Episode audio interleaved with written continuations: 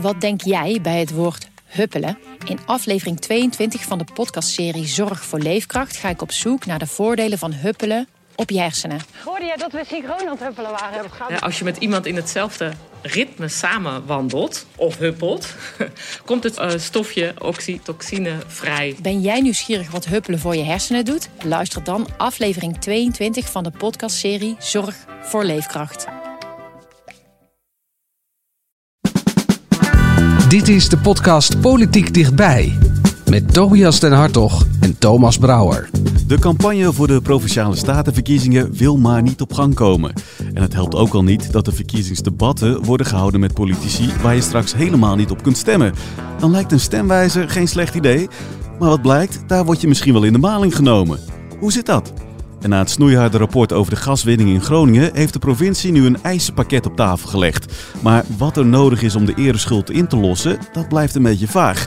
Wat moet het kabinet ermee? Dat en meer bespreek ik met Tobias van Hartog en Hans van Soest. Ja, Tobias, toch al de meest uitgeslapen man van dit tafelgezelschap. Uh, dat is vandaag helemaal gelukt, hè? Ja, mijn wekker stond nog op uh, winter- of zomertijd, weet ik veel wat. Dus ik loop al uh, de hele dag met een uur achter de feiten aan. Maar er is, de, de, zomertijd is nog niet eens ingegaan. Wat is dit voor een raar Het is een hele oude wekker. Nee, wat, echt... Wat een raar excuus is dit. Ja, dit is een beetje hond heeft mijn huis ook opgegeven. Ja. Maar echt waar. En de wekker was stuk en de brug stond open. Ja. ja. Maar goed, dan hadden wij in ieder geval alle tijd om ons even in de verkiezingen te verdiepen. Hans, jij hebt het hele debat van afgelopen zondag terug zitten kijken? Uh, zeker. Uh, ja, ik heb me vermaakt vooral. Ja, het was echt theater. Maar uh, ik denk dat er geen kijker iets mee is opgeschoten. Maar dat geldt misschien wel voor Wacht. meer debatten. Dit, dit, was zondagochtend WNL, het eerste, het eerste grote debat. Hè? En, en, en dat kon jou niet bekoren, jou als politiek dier? Nee, ik had afgelopen weekend helaas andere verplichtingen... waardoor ik het niet kon kijken live. Dus ik heb het terug moeten kijken. En toen dacht je... Nou. Toen dacht ik, nou, het kon me wel bekoren als ja. politiek dier. Alleen, ik, ik ja... Het kon mij bekoren als politiek dier. Ik vraag me werkelijk af wat de gemiddelde Nederlander hiermee opschiet. Maar waarom ja. kon het jou dan bekoren? Want het gaat dus ja, niet om de inhoud omdat het, dan. omdat het leuk is hoe uh, die zes mensen elkaar dan uh, proberen klem te zetten. En uh, met trucjes proberen de aandacht op zichzelf te richten. En de ander zwart te maken. maar het is, ja... Ja, meer dan theater is het eerlijk gezegd echt niet. Ja, we gaan de komende dagen nog veel meer van dat soort theaterstukjes Zeker. zien. Uh, onder andere een, een uh, verkiezingsprogramma van Pauw, uh, Tobias. Daar was nogal wat over te doen, hè? Ja, het is altijd een beetje... Kijk, in, in de campagnetijd is altijd de vraag... wie mag tegen wie in het debat en wie wordt waarvoor uitgenodigd. Hè? En er zijn, traditioneel gezien is de NOS, die doet zeg maar... die nodigt iedereen uit. Hè? Dat is echt... daar sta je met 16 man of zo voor de camera's. En ook de kleine partijen zijn erbij uitgenodigd. Er zijn altijd pauzenummers met lokale politici waar je ook daadwerkelijk op kan stemmen. Hè. Die worden dan ook nog uitgenodigd. Maar ja, de vraag is altijd wie zit er in, bijvoorbeeld bij RTL, bij het RTL-debat. Die hebben weer hele andere maatstaven. Nou, daar zijn ze dit jaar dus niet uitgekomen wie er nou precies uitgenodigd moesten worden. CDA dreigde over de rand te vallen. En dat schijnt de VVD niet te hebben gepikt. En die zei toen, nou, daar komen we niet. Maar het alternatief was, dan gaan we naar Jinek. Nou, daar zouden BBB en Ja21 dan worden uitgenodigd. Dat zag de VVD ook niet zitten, want die vinden het te klein. En die willen liever tegen de linkse partijen, want die willen heel graag die tweestrijd. Nou ja, uh, lang verhaal kort. Er is altijd gezeur over wie er in de debatten zit. En ja, de eindstand is nu eigenlijk, RTL gaat niet door. En Pauw heeft nu besloten om VVD tegenover GroenLinks PvdA te zetten. Nou ja, dat is een kolfje naar de hand van die partijen natuurlijk. Want die willen die tweestrijd. En Pauw, ik heb Peter K. gebeld, dus de redacteur van het programma. Die zegt, ja luister, dit is gewoon uh, goede televisie. En dit is een, uh, een, een, een strijd die uh, ook de kiezer wil zien. Dus ja, dan, dan gaan we dat uitzenden. Ja, nou moet ik er wel bij zeggen, het is wel een, het is wel een beetje folklore aan het worden dat in verkiezingscampagnes partijen aan het klagen zijn over verkiezingsdebatten die worden georganiseerd op televisie. Er zijn altijd partijen die zichzelf tekort gedaan voelen omdat ze daar niet voor worden uitgenodigd en of die het oneerlijk vinden eh, dat de andere meer zendtijd krijgt dan de ander. Dat hoort er een beetje bij. Maar wat het bij provinciale staten eigenlijk wel altijd uh, een beetje ongemakkelijk maakt, is dat al die debatten gaan tussen politici waar de kiezer dus niet op kan stemmen. Want die provinciale lijsttrekkers, of ja, die zie je vrijwel niet. Ja, op regionale zenders, maar niet op de nationale televisie.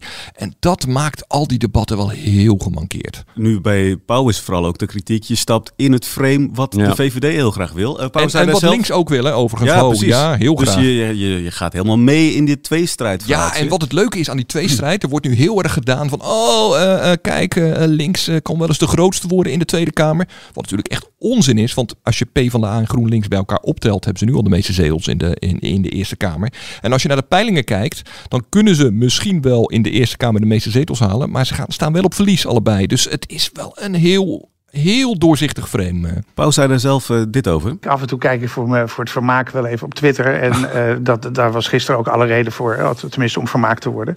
eh, dat er dan ontzettend veel ophef ontstaat over een aankondiging van een programma. Ehm, eh, terwijl ik dan toch in alle eerlijkheid denk: er zijn dagelijks zes talkshows, twee actualiteitenrubrieken. Er is een dagelijks ontbijtprogramma. Er zijn in het weekend ook nog programma's als, als Buitenhof en, en, en WNL op zondag. Er zijn tientallen uren radio die gaan over de, over de politiek. En ik, ik kan ook nog alle lokale en regionale zenders en de kranten noemen. En, en in dat hele grote eh, nieuwscircus en spektakel is één klein plekje van 50 minuten waarin wij dit doen. Kijk, natuurlijk spelen wij een rol, althans dat hopen wij met ons programma, dat wij natuurlijk ook meedoen in, eh, in, in, dat, in, in alles wat er over politiek en verkiezingen gaan. Wij denken, met de hand op het hart, dat wij daarin een integer programma kunnen maken. Waarin het gaat over een aantal belangrijke keuzes die liggen, zowel bij de Eerste Kamer als die ook keuzes die liggen in de provincies, omdat ze daar moeten worden uitgevoerd. Ik kan hier helemaal in mee. Hij heeft natuurlijk helemaal gelijk. Er zijn meer eh, platforms, dus waarom moet hij eh, dan eh, het grote verkiezingsdebat dat helemaal fair is met iedereen organiseren? Dat, dat, dat hoeft natuurlijk helemaal niet. Maar wat wel zo is, en dat weet eh Pauw ook wel, is dat eh, de partijen niet op heel veel uitnodigingen ingaan. Die kiezen de uitnodigingen eh, die hen goed uitkomen. En ja, dit komt die partijen, die drie partijen goed uit. En dus kiezen ze daar ook voor. Ja, de gelegenheid maakt de dief, dat kun je beargumenteren. En tegelijkertijd ben ik het helemaal met hem eens. Dit is ook een debat dat je op zich wil zien of wil eh, organiseren. En ja, dan is dit een platform. Daar ben ik het ook mee eens. En laten we alsjeblieft de invloed van de televisie en de media en verkiezingstijden ook niet overschatten.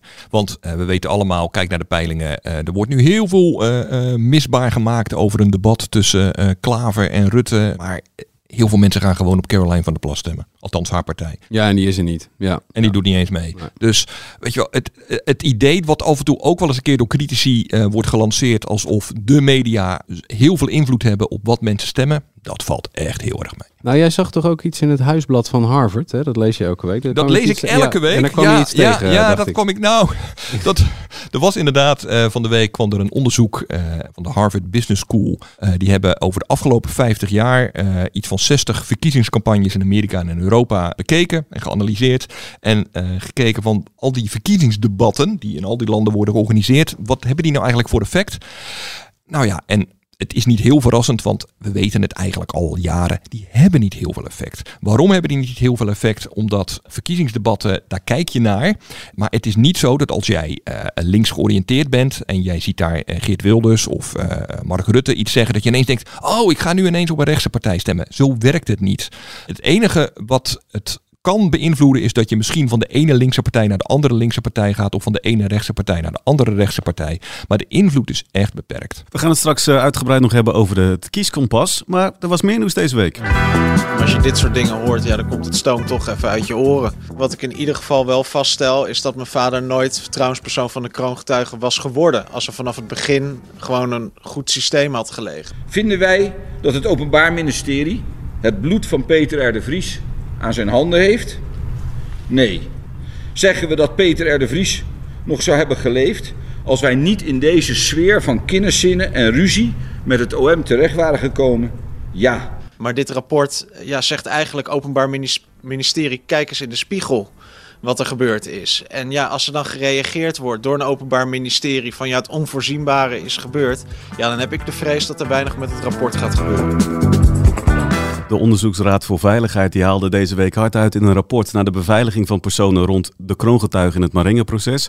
Tobias, waar komt de kritiek nu vooral op neer? Ik denk dat het tweeledig is. Eén, eh, beveiliging is gewoon in opsporingsland een ondergeschoven kindje geweest. Hè. Het is altijd veel meer gegaan over eh, boeven vangen eh, en minder over de beveiliging en eventueel ja, aanslagen voorkomen kun je daar natuurlijk onderschaden. Maar beveiliging is altijd een beetje het, eh, het gemankeerde broertje geweest. Dat is één belangrijk onderdeel. En het andere is er zijn gewoon kokers binnen de politie. Eh, De OVV noemt dat silo's. Hè? Dus dat er informatie in één silo terechtkomt. Maar een ander team, een andere silo, zou die eigenlijk ook moeten hebben. Het meest treffende voorbeeld daarvan is wellicht wat eh, rond Dirk Wiersum is gebeurd. Hè? De advocaat die is eh, doodgeschoten.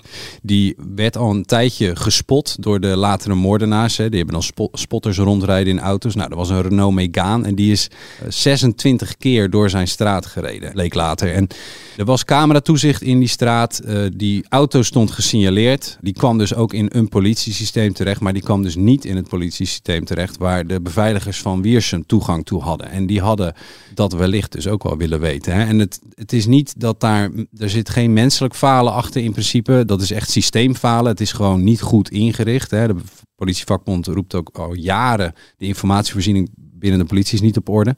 Nou, daar is dit een pijnlijk voorbeeld van. De OVV heeft niet de vraag beantwoord, had hiermee de moord op uh, de broer van uh, Nabil B. kunnen worden voorkomen. Redouan had de moord op Wiersum uh, kunnen worden voorkomen. Of die op Peter de Vries. Alle drie hadden ze te maken met dat Marengo-proces met Taggi. Maar ja, het heeft niet geholpen. Dat is wel duidelijk. Ja, en dan wordt er meteen gezegd, dit stelsel, dit systeem, dat moet op de schop. Daar moet verandering in komen. Dat komt dan terecht bij minister Gus. Ja, dat klopt. Die is ook wel aan de slag hoor. Uh, er is uh, eerder een commissie Bos geweest. Het is overigens de zesde onderzoekscommissie na dat stelsel bewaken en beveiligen. En die is ook wel aan de slag gegaan. En als je haar ingrijpen ziet, hè, dat is meer geld, meer mensen, einde maken aan de verkokering, zorgen dat de partijen die betrokken zijn bij beveiliging aan één tafel zitten en daar dan ook echt de problemen en de informatie delen. Dat zijn allemaal aanbevelingen die de OVV nu ook doet en die eind vorig jaar al in uh, het plan van uh, Jezielkus zaten. Hè? Dus daar is op zich wel, het beweegt wel allemaal dezelfde kant uit met wat zij wil en wat wordt aanbevolen. Probleem is alleen, net als heel de arbeidsmarkt, er zijn gewoon heel weinig mensen. Er zijn na de moord op Wiersum 300 agenten uit de roulatie gehaald. Die zijn van de recherche, van de wijkdienst uh, gehaald en, en gestopt in dat team beveiligen. Maar die zijn vier jaar later nog steeds niet terug. Er zijn wel andere agenten. Maar de facto zijn nog steeds 300 mensen ja, uh, bezig met taken die uh, eigenlijk niet een primaire taak zouden moeten zijn.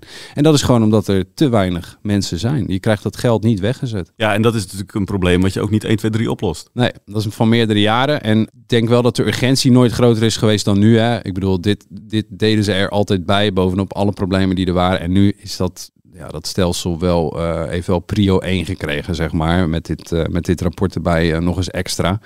Maar goed, het is niet dat, uh, dat iemand met een toverstafje kan zwaaien. Nee. Nu hadden we vorige week dat uh, harde rapport over de aardgaswinning in Groningen. Deze week dus dat rapport over uh, hoe de bescherming van de mensen rond het Marengo-proces was geregeld. Ja, in het verleden zag je nog wel eens dat een minister of een staatssecretaris dan opstapt na zo'n snoeihard rapport. Dat hebben we deze week ook niet gezien, hè? Nee, ik denk wat, wat, wat hier helpt of wat zich vraagt is eigenlijk dat uh, zowel de, het kabinet als de Kamer het eigenlijk wel eens waren over welke richting het uit moest. Hè. En dit, was, dit is allemaal gebeurd uh, onder uh, Grappenhaus, die ook weg is. Hè. Dus Jezielkus draagt wel verantwoordelijkheid, maar het is echt wel ministeriële verantwoordelijkheid. Ze heeft die eerder als Kamerlid vooral mee te maken gehad, waarbij ze de minister daar uh, kritisch over bevroeg. Dus ja, er is ook wel een klein beetje een sfeer van, uh, ja, wat helpt het als zij weggaat? Want een ander gaat waarschijnlijk die koers van het kabinet precies zo voortzetten. Hè? De aanbevelingen van het OVV veranderen niets. Ik denk dat het eerder broeit bij het Openbaar Ministerie. Hebben heel defensief uh, gereageerd op die bevindingen.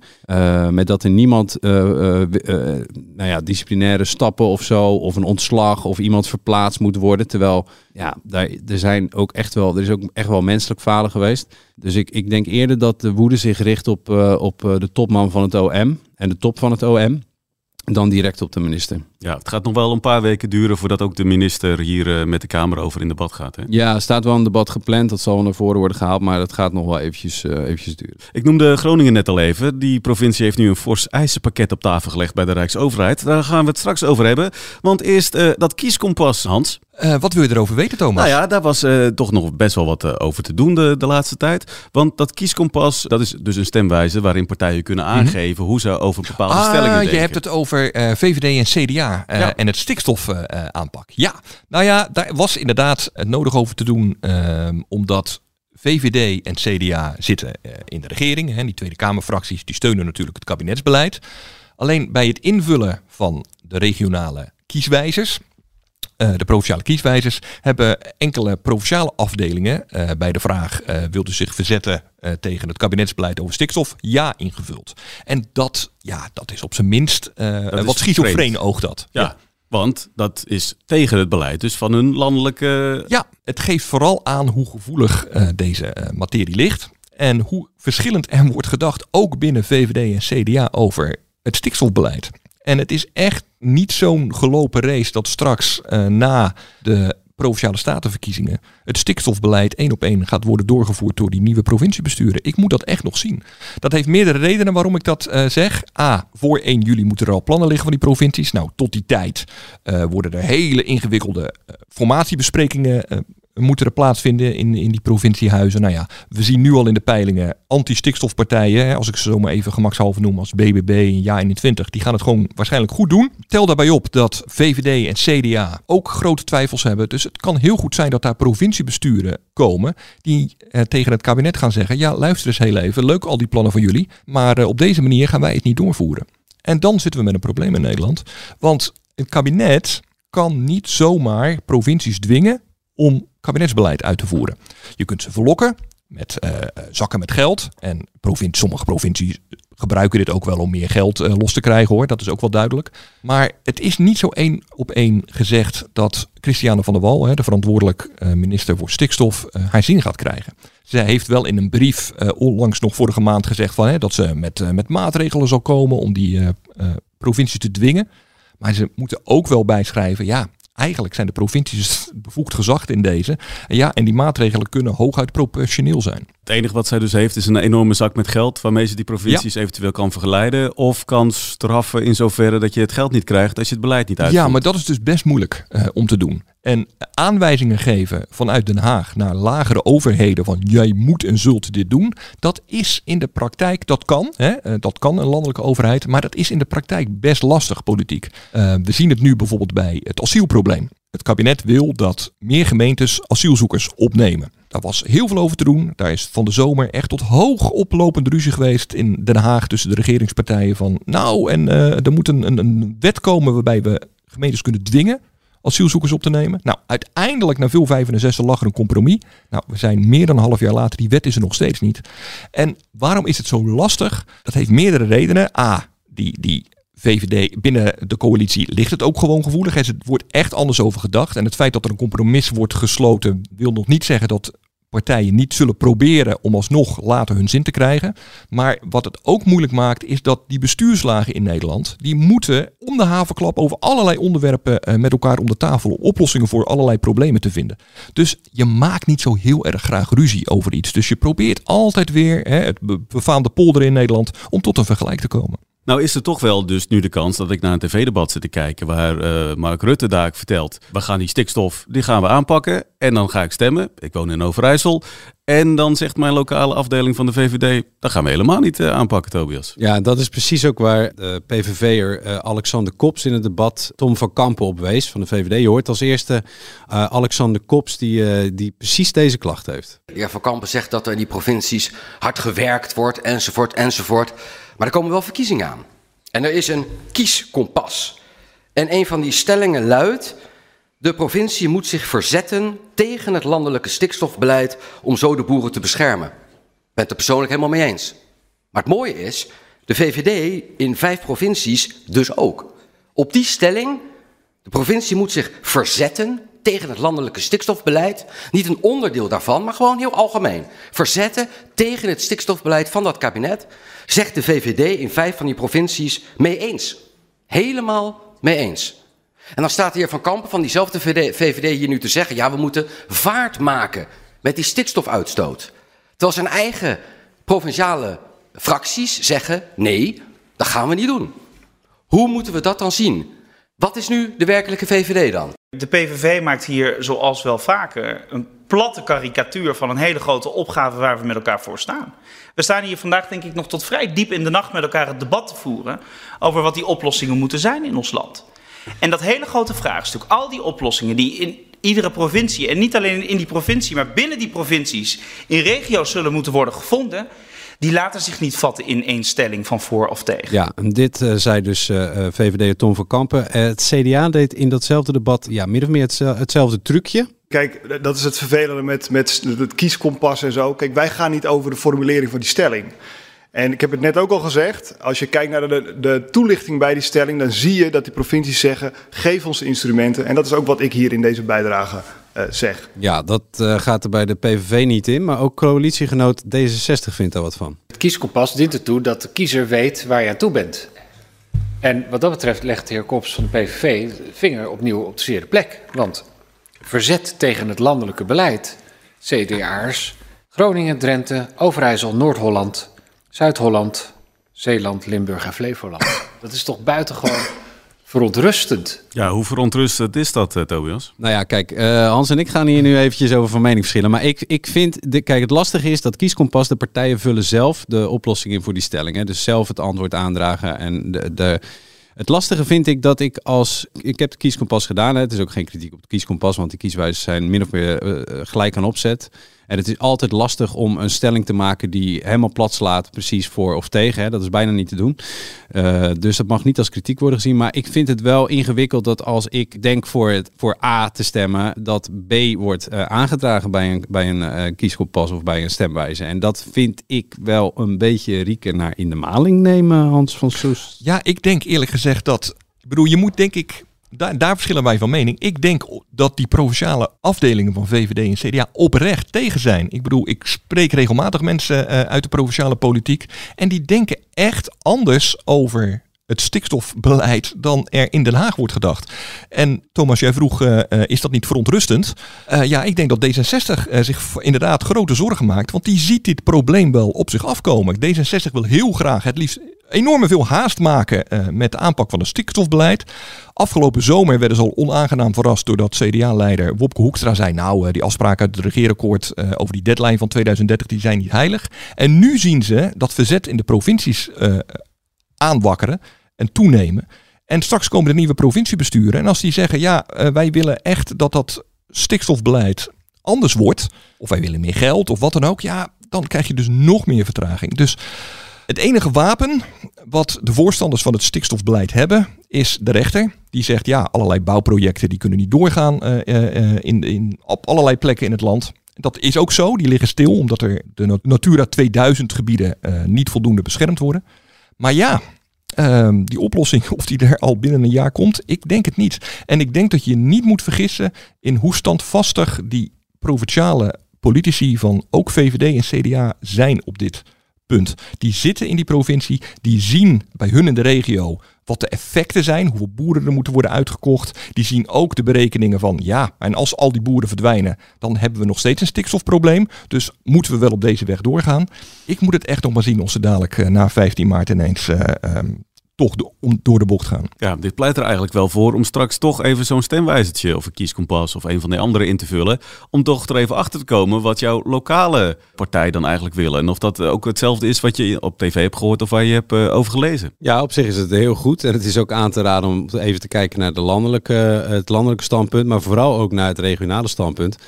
Want het gaat echt van wezenlijk belang zijn. Dat, dat ben ik wel met Hans eens. Uh, op, op, er komt gewoon een moment dat er een provincie aanklopt bij de VVD of bij het CDA. En zegt, ja luister eens wat jullie willen. Wij weten echt niet hoe we dit gaan uh, regelen. Want uh, ofwel we hebben het bestuur niet mee. Hè, het provinciebestuur is er niet mee. Of het is gewoon praktisch nagenoeg onhaalbaar. En dat maakt het interessant, want hoe ga je daar dan als VVD en CDA mee om? Je hebt een afspraak met D66, hè, je zit in dat huwelijksbootje en je zegt van ja, luister eens, uh, uh, ze doen zo lastig, ik kan niet leveren, ik kan mijn belofte niet nakomen. Nou, bij VVD en CDA hoor je achter de schermen van ja, wij kunnen heus wel beargumenteren, luister eens, we hebben die provincies niet aan het touwtje. Maar ja, dat maakt het wel, dat piept en kraakt en schuurt natuurlijk wel op een gegeven moment. Want dan zegt D66 op een gegeven moment, ja, maar dan is het ons huwelijk uitgehold. Dan, dan leeft het niet meer wat wij dachten dat het was. Dus dit gaat los van, zeg maar, de praktijk, de realiteit, hè, gaat dit ook gewoon politieke spanning opleveren als het echt uh, uh, een botsing wordt. Ja, en zo kan dus een uh, overwinning van de coalitie of stemmen kan voor de coalitie ook nog wel eens heel slecht gaan uitpakken. Ja, maar je weet ook dat dit praktisch lastig is, politiek lastig is. Niemand zit er super gestaald in. Hè. De VVD had destijds dat stikstofcongres waarbij ze echt verrast werden door hoe, hoe, hun achterban erover dachten. Dat die helemaal niet die stikstofkoers zo enorm steunen. Dus dit is echt een heel ja, dun koord waar ze overheen lopen. Veel mensen doen dat natuurlijk, zo'n stemwijzer of zo'n kieskompas invullen. Heeft dat nou ook echt impact over wat mensen dan daadwerkelijk gaan stemmen? Oh, dat is wel leuk dat je dat vraagt. Want we hadden het aan het begin even over um, uh, die verkiezingsdebatten. Hè, wat daar nou de invloed van is. Nou, er is ook wel eens een onderzoek gedaan twee jaar geleden bij de landelijke verkiezingen door de Universiteit Utrecht over de invloed van al die verschillende stemwijzers hè, die mensen invullen op, op internet.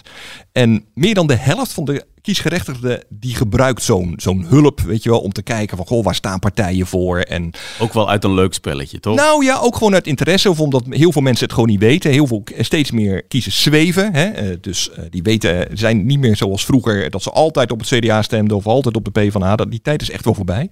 Alleen als je dan kijkt dan wat is de invloed van die stemwijzers? Nou, die blijkt dus echt heel klein. Want wat gebeurt er? Je hebt namelijk, en dat is een beetje hetzelfde als wat je zag bij die verkiezingsdebatten. Je hebt in je hoofd altijd wel van waar jij jezelf positioneert. Je vindt jezelf een beetje links, of je vindt jezelf een beetje midden, of je vindt jezelf een beetje rechts. Dus je twijfelt altijd in je hoofd tussen een paar partijen, zeg maar, waar jij je. En in zo'n stemwijze komt wel eens een, een partij omhoog waar jij het helemaal niet mee eens bent. En daar ga je dan niet ineens op stemmen. Een mooi voorbeeld is namelijk bijvoorbeeld de ChristenUnie. Uh, we weten uit onderzoek dat bij heel veel mensen de ChristenUnie, als ze een stemwijzer invullen, op één of op twee komt. En hoe is dat? De ChristenUnie, dat is een, een, een middenpartij uh, met een beetje uh, sociaal links, linkse agenda als het gaat om inkomens en dat soort dingen. En om goed voor de natuur, maar ook een beetje um, conservatiever als het gaat om normen en waarden. Nou, dat is ongeveer wel wat de gemiddelde Nederlander is.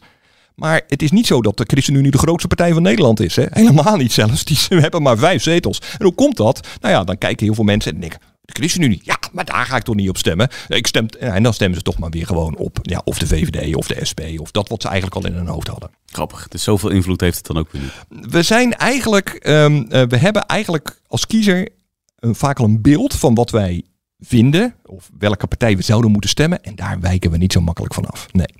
Groningen dan. Vorige week hadden we natuurlijk dat grote rapport. Kritisch over de aardgaswinning. Daar zijn allerlei enorme fouten gemaakt. Deze week kwam de provincie dan uh, met, met een eisenpakket. Er moest genoeg doen komen. Je hoort uh, René Paas, dat is de commissaris van de Koning in Groningen. Onze inwoners die deze problemen niet hebben gezocht, die hebben recht op onberispelijke dienstverlening. Niemand in Groningen heeft er een stuiver verdiend aan de goudmijn die onder de grond zat. Heel veel mensen hebben de schade aan hun huis zien ontstaan, hebben, leven in onzekerheid over of hun huis wel veilig genoeg is. En het zijn onze inwoners die ontzorgd moeten worden. Wij vinden dat inwoners bij de uitvoeringsinstanties niet alleen hun verhaal kwijt moeten kunnen, maar dat ze ook dat die uitvoeringsinstanties erop gericht moeten zijn. En dat is een cultuurverandering om inwoners vooral daadwerkelijk te helpen.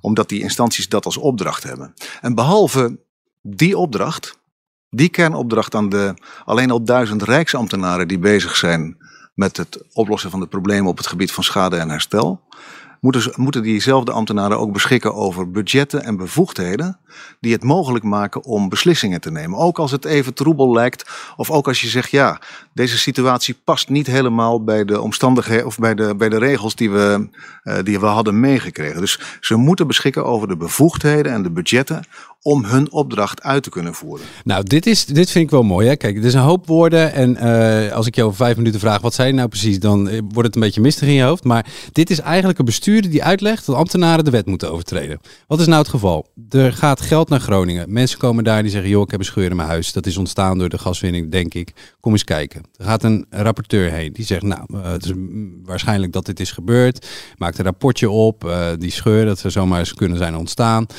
Maar ja, het huis is ook wel oud. En die oude, ik zie ook een oudere scheur. Uh, dat is wel iets genuanceerder. Uh, misschien is niet alles stuk gegaan door de aardgaswinning. Nou, die gaat met dat rapportje naar een ambtenaar. Een ambtenaar moet daar een besluit over nemen. Die zegt, ja, luister, het is niet zwart-wit. Ik denk dit deel van de schade wel, dit deel van de schade zat er misschien al. Ik ga naar mijn baas, ik ga het vragen, die moet er maar een klap op geven. Nou, dat hele proces hè, van, uh, dat duurt dus, dit is niet in 10 minuten, maar dit is echt maanden. Dat hele proces kost geld. Dat rapportje kost geld. Die ambtenaar kost geld. De facto gaat voor, voor elke euro die wordt uitgegeven, zit 70% dadelijk in de overhead. Maar die ambtenaar mag dus niet zomaar even tekenen bij het kruisje en zeggen: Oké, luister eens, we gaan bouwbedrijf X bellen. En die komen morgen gewoon met het karretje voor en dan gaan we alles herstellen. Paas zegt eigenlijk: Doe dat nou gewoon wel. Trek gewoon die beurs, uh, laat het allemaal uh, gewoon lopen. Al die regeltjes, een ambtenaar die naar zijn baas moet en al het gedoe, al het gezeur, die bureaucratie, het duurt te lang. Ergens heeft hij natuurlijk een punt. Maar hij vraagt hier eigenlijk om een soort cultuurverandering. Hè? Dat stond centraal in die, in, die, in die persconferentie. Maar die verlokt eigenlijk de overheid om ja, niet helemaal super efficiënt nou, en volgens de regels het geld uit te geven. En ik geef je op een briefje, als dit gaat gebeuren, dat de rekenkamer over twee jaar zegt Luister eens, er is daarvoor miljoenen onrechtmatig uitgegeven. Dat kun je niet verantwoorden. Dat is niet netjes gegaan, dat is niet volgens de regels gegaan. En dat mag, hè? Dat is allemaal een keuze. En ik, zou, en ik denk ook helemaal niet dat het onterecht is, want die Groningers zitten al veel te lang te wachten. Dus hier, dit is, hier is echt wel voor te pleiten. Maar dikke vette kanttekeningen, pas op. Denk ik dan. De keuze is eigenlijk al gemaakt. Want in een grote delen van het bevingsgebied geldt al uh, dat eigenlijk in principe alle schade wordt uh, vergoed. Uh, vorig jaar zagen we, dat kunnen we vast ons allemaal nog wel herinneren, waren die beelden, daar was iedereen verbolgen over. Over al die Groningers die in de rij stonden voor een, voor een schadevergoeding. Dat waren Groningers die, ik meen dat het om 10.000 euro ging, waar ze recht op die ze konden claimen. Dat waren Groningers die geen schade hadden aan hun huis. Alleen de politiek vond dat er voor die mensen ook wat moest gebeuren. Dus die omslag in denken die is er eigenlijk wel gemaakt. Waar het grote probleem in Groningen in zit, dat is de uitvoerbaarheid.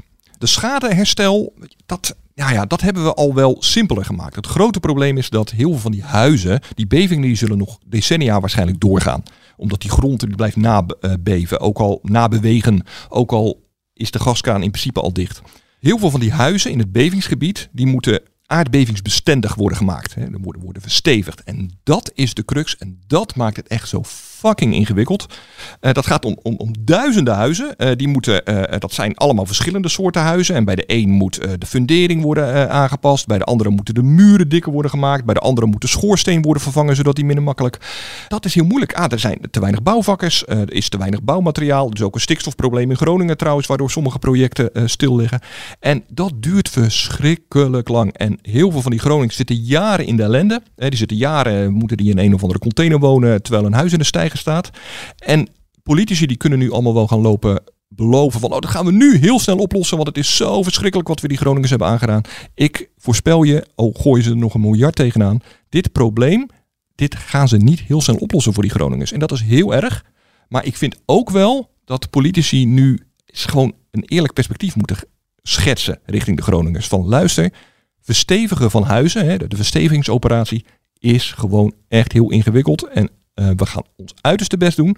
Maar ik kan niet beloven dat het binnen een jaar is opgelost. Ja, in het eisenpakket van die Groningen zitten niet alleen de versteviging van die huizen. Uh, ze willen nog meer. Je hoort uh, Johan Remkes, dat is in dit geval de voorzitter van het Nationaal Programma Groningen. En dat vraagt om een langjarig commitment van het Rijk.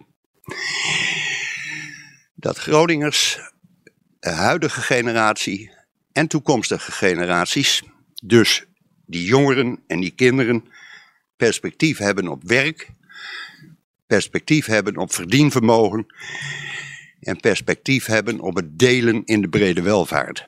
Ja, nog even los van de inhoud. Uh, hij klinkt niet helemaal Ja, dat is al een rafje in de stem. Dat is heel raar, ja. Ik schrok er ook een beetje van. Maar ja, laten we hopen dat hij gewoon verkouden is. Ja, uh, dan even over wat hij dan daadwerkelijk zegt. Hij wil dus toekomstperspectief. Ja, toekomstperspectief. Nou ja, en dat is best een ambitieuze verzameling van, uh, van uh, uh, dingetjes, zullen we maar zeggen. Kijk, het gaat, er, gaat erom dat Remke zegt van Groningen, dat moet weer één groot florerend... nou ja, als je, ik heb die persconferentie te kijken. Op een gegeven moment kreeg je de indruk, nou iedereen daar een villa. alle kranen van goud. En weet je wel, de, de, dat het echt diamant in de kroon zou moeten worden, hè, Groningen, de, de provincie. Nou, nou, René Paas zegt, we hebben geen stuiven verdiend. Hè, nee, precies, ja, ja. Dus hij zegt ook, het gaat om een fractie ja, is wel op wat op af te dingen overigens. Ja, maar goed. Het is niet dat alle opbrengsten van, uit, van de gasbaan dat die alleen maar naar de rest van Nederland gingen en dat die niet naar Groningen gingen natuurlijk. Dus... Nee, oké, maar goed, laten we zeggen dat ze een, een, een deel daarvan dus opnieuw in Groningen geïnvesteerd willen hebben. Nou, waar heb je het dan over? De, de beste campussen van het land. De provincie als eerste aardgas vrijmaken in 2035. Een derde van de windparken uh, op de Nederlandse wateren zou boven uh, Groningen moeten komen te liggen. Uh, de stroom die aan land komt, die moet allemaal via de Eemshaven bij Delfzijl. Hè, dat banen enzovoort. Nou ja, de, het, is een, het is een schier oneindige uh, bak met wensen voor Groningen om die provincie vooruit te helpen met werkgelegenheid en levendigheid. En het verstevigen van die huizen en dat pakket wat je net hm. noemt, dat gaat waarschijnlijk een gigantisch bedrag kosten. Daar de Groningers precies een beetje vaag over. Hè? Ja, dat was, ja dat, dat was natuurlijk de eerste vraag. Van joh, wat, wil, wat gaat het kosten? Hoeveel geld wilt u van het Rijk? Nou, daar zei Paas dus niks over en dat lichtte hij ook toe. Ik heb jarenlang bij de vakbond gewerkt en uh, daar was, het had voor- en nadelen om te komen met centen en procenten aan het begin van het proces. Het nadeel is namelijk hier dat daarna de hele discussie zich concentreert op de omvang van het bedrag. Nou, dat vinden wij wel veel of dat vinden wij weinig. Terwijl het, het moet erom gaan waar dat bedrag voor, beschik, voor beschikbaar uh, en, en voor nodig is. Het is echt veel beter om nu niet te komen met een bedrag, maar te zeggen: dit is wat we willen. Ja, dit is wat we willen. Gaan ze dat krijgen? Nou, kijk, nee. Uh, er zat wel zoveel ambitie en zoveel wensen in die persconferentie dat als je het ja, het helemaal uit uh, laat lekken, dan heb je misschien wel een 30 punten plan. Uh, wat, wat optelt tot vele, vele, vele miljarden. Uh, dus ik denk niet alles, maar misschien wel veel. Al zeiden ze hè, dat dit, dit, dit is geen keuzemenu, zeiden ze. Maar goed, ja, ergens is, wordt het misschien dus wel op enig moment een keuzemenu. Want uh, je kunt een euro maar één keer uitgeven. Ergens begrijp ik het wel, want als je in Den Haag zegt, nou, we kunnen het voor 100 miljoen, dan krijg je nooit meer 1 euro erbij. Dat is allemaal waar. Wat ik wel denk overigens, dat uh, iedereen in Den Haag hierbij zal zeggen van, ja, terecht gaan we allemaal doen. En Tobias zei net van, nou, dan komen ze met een. Hè, de Groningen zullen met een wenslijst komen met 30 punten. Ik denk dat er op al die 30 punten ja wordt gezegd. Omdat er dan, alleen wat ze dan niet bij zeggen, is dat heel veel al staand beleid is. Er wordt al het nodige gedaan. Uh, met name ook met Europees geld om te investeren in Groningen. Vorige week nog was, dat, was de uh, verantwoordelijk eurocommissaris uh, in het gebied. Er wordt geïnvesteerd in de Eemshaven en er wordt met Europees geld geïnvesteerd in een nieuw omvormen van de economie. Doordat de NAM daar wegvalt hè, als uh, grote werkgever, moeten daar nieuwe banen worden gecreëerd voor de mensen die daar wonen. Nou ja, daar is Europees, een Europees potje voor waar wij uh, beroep op doen. Ik denk, en zo zijn er nog wel meer van dat soort regelingen. En ik ga je op een briefje geven in die kabinetsreactie. Worden al die dingen onder, de, uh, onder elkaar gezet. En kijken, dit gaan we doen en dit gaan we doen en dit gaan we doen. En heel veel van die dingen die zijn al lang in gang gezet. En dan lijkt het heel veel. En dan is iedereen blij. Ja, ik denk wel eens aan die vergelijking dat stel jij, en ik wonen in een huis en je zegt ik wil de keuken paars verven. En dan kom je een week later thuis en heb ik hem geverfd, maar voor de helft. En dan al niet paars, maar rood. En dan zeg ik nou luister eens, ik heb, hè, als ik het in politieke termen heb ik gezegd, ik heb jouw motie uitgevoerd. In die zin, ik heb het een kleur gegeven. Het is een kleur dat richting paars gaat. Hè? Dus uh, hoe ver ben ik jou al niet tegemoet gekomen? Kijk, zo werkt de politiek soms ook. Dat je zegt, nou... Ja, maar of ik daar nou heel blij van Oh ja, word? precies. Maar goed, dan zijn we alweer... Uh, zijn we toch een verfbeurt en een week verder. Dus uh, ja, nou ja, zo werkt het soms ook. Ja. Overigens, dat er iets moet gebeuren voor Groningen is evident, hè. Want er zitten met name in het, in het gebied rond Loppersum... daar zitten echt zoveel mensen in de ellende. Al, al zo lang. En het, het, het, het gevoel bij veel Groningers... als dit in de Randstad zou zijn gebeurd... dan was het probleem al lang opgelost. Daar hebben ze wel een punt. Als we dan uh, kijken naar volgende week, jongens, waar, uh, waar kijken we dan uit? Debat over de toekomst uh, van de euro. Wacht, vertel. Nou ja. ik hoor wat cynisme. Ja, ik, ik, begrijp het cynisme wel, want dit wordt weer een debat met, nou ja, wat niks gaat opleveren eigenlijk, laten we het maar eerlijk wezen. er zijn partijen in, in, de Kamer die vinden dat Nederland zich moet voorbereiden op een toekomst waar zonder de euro, hè, het, dreigt echt wel flink mis te lopen met de oplopende inflatie, waar eigenlijk alleen iets kan aan worden gedaan doordat de Europese Centrale Bank de rente verhoogt. Alleen dan komt Italië en andere Zuid-Europese landen, maar met name Italië, een acuut probleem, want dan kunnen ze een enorme staatsschuld niet meer uh, betalen. Uh, staatsschuld die overigens, zo bleek onlangs, nog veel hoger was dan, ze, uh, dan we tot nu toe dachten. Uh, alleen zo'n debat ja, is vaak een herhaling van zetten. En iedereen gaat na afloop weer zijn weegs. En er is weinig opgelost. Verder ja. wordt een rustige week, vrees ik. Althans in Den Haag. In Den Haag, ja. Des te drukker wordt het natuurlijk daarbuiten uh, met de campagne. Want ik, ik, je, je, krijgt allemaal van die mailtjes van... Uh, dan ga je hè, van, van, van FVD tot JA21 en VVD en GroenLinks van nu. Nou, we gaan het land in. Hè. De bus gaat rijden. Ja, dat levert altijd wel uh, goede, goede audio en tv op. En uh, af en toe is een bruikbare citaat. Dus de campagne gaat denk ik na deze week wel een vaart krijgen. Tot zover deze aflevering. Vind je dit nou een leuke podcast? Abonneer je dan. Dat kan via Spotify of Apple Podcast. En volgende week, dan zijn we er weer. Tot dan.